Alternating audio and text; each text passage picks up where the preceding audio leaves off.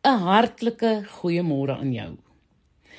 Nou kyk, ek deel graag met mense wat swaar dra aan hulle verlede en spesifiek die onregte wat ander hulle aangedoen het. Ai man, hulle sukkel om daardie onregte af te skud. En dit is tog 'n baie slegte plek om jouself te bevind. In my hart, ja, my hart huil dikwels saam met diegene wat voor my sit en huil want ek verstaan. Ek was ook mos al daar. Nou ek vind dit maklik om te luister, maar om praktiese en uitvoerbare raad te gee, bly 'n uitdaging. Want dis asof dit nie tot mense deurdring dat niks gaan verander indien hulle nie hulle omstandighede en veral hulle denkpatrone rondom die situasie gaan verander nie. Man dit is 'n gegewe dat gewonde mense ander wond. Dit word ook makliker om mense wat jou skade berokken het te vergewe as jy besef hulle worstel met hulle eie onopgeloste probleme want hulle sleep ou bagasie saam.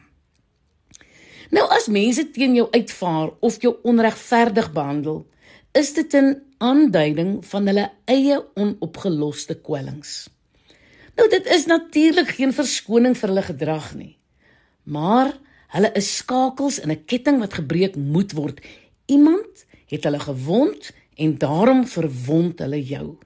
Nou my raad aan jou volgens God se woord is betoon genade. Sê, Here, ek weet wat hulle doen of gedoen het was verkeerd en dit maak seer. Dit was nie regverdig nie, Here, maar ek wil my nie op hulle wreek nie. Asseblief, Here, gee hulle wat hulle nodig het. Jy sien as jy vir jou vyande kan bid, jong, dis 'n wonderlike plek as jy daar kan kom. En as jy mense wat jou leed aangedoen het kan seën, sal God jou rekening vereffen. God is 'n God van geregtigheid. Ek weet natuurlik nie hoe lank dit sal duur nie, maar God het beloof hy sal die oortredings regstel. Hy sal teruggee wat die vyand gesteel het. Dit maak nie saak hoe seer iemand jou gemaak het nie. Dit maak nie saak hoe verkeerd dit was nie. As jy laat gaan, sal God die rekening vereffen. God sal jou terugbetaal. Moenie fokus op die waaroms nie. Dit maak 'n mens gewoon net bitter. Geloof behels dat jy op God vertrou al verstaan jy nie sy plan nie. Nou kyk vir jare het 'n pa en seun glad nie met mekaar gepraat nie. En met hulp het iemand gereël dat hulle mekaar weer sien. Nou die pa het aan die seun dinge vertel wat die seun glad nie geweet het nie. Hy het gesê sy pa was 'n alkolikus wat met sy ma beklei het toe hy nog baie klein was. Nou sy pa se ouerhuis was so onstabiel dat teen die tyd wat hy 6 jaar oud was, hy reeds by verskillende gesinne gewoon het. Nou daar is natuurlik geen verskoning vir sy pa se gedrag nie. Maar ek wil hê jy moet begryp dat dit seer mense is wat ander mense seermaak. Daardie pa het soveel woede en mishandeling in hom rondgedra. Maar sy fout was dat hy nooit daarvan ontslaag geraak het nie.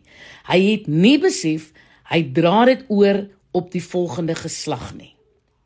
Nou kyk, Na Jesus se opstanding uit die dood het hy met sy disippels kom praat en sê: "As julle die mense hulle sondes vergewe, dan word hulle vergewe. As julle die mense hulle sondes hou, dan is dit gehou." Johannes 20 vers 23. As jy 'n sonde hou, klou jy daaraan vas. God sê hier wanneer ons aan sondes wat teen ons gepleeg is vashou, word ons daardeur vergiftig. As jy nie vergewe nie, is dit maklik om dit te word wat jy eintlik haat. Nou Martie het haar pa gehaat omdat hy ontrou was aan haar ma. Martie se kinderlewe was nie aangenaam nie. Sy het haar pa verwyd vir sy ontrouheid en omdat hy nie vir haar daar was terwyl sy groot geword het nie. En as volwassene het sy later nes haar pa opgetree. Sy was ontrou aan haar man en het haar huwelik verwoes. Sy was ook nie daar vir haar eie kinders nie. Jy sien, sy het geword wat sy in haar pa verag het. Dis hoekom dit so belangrik is om te vergewe en te laat vaar.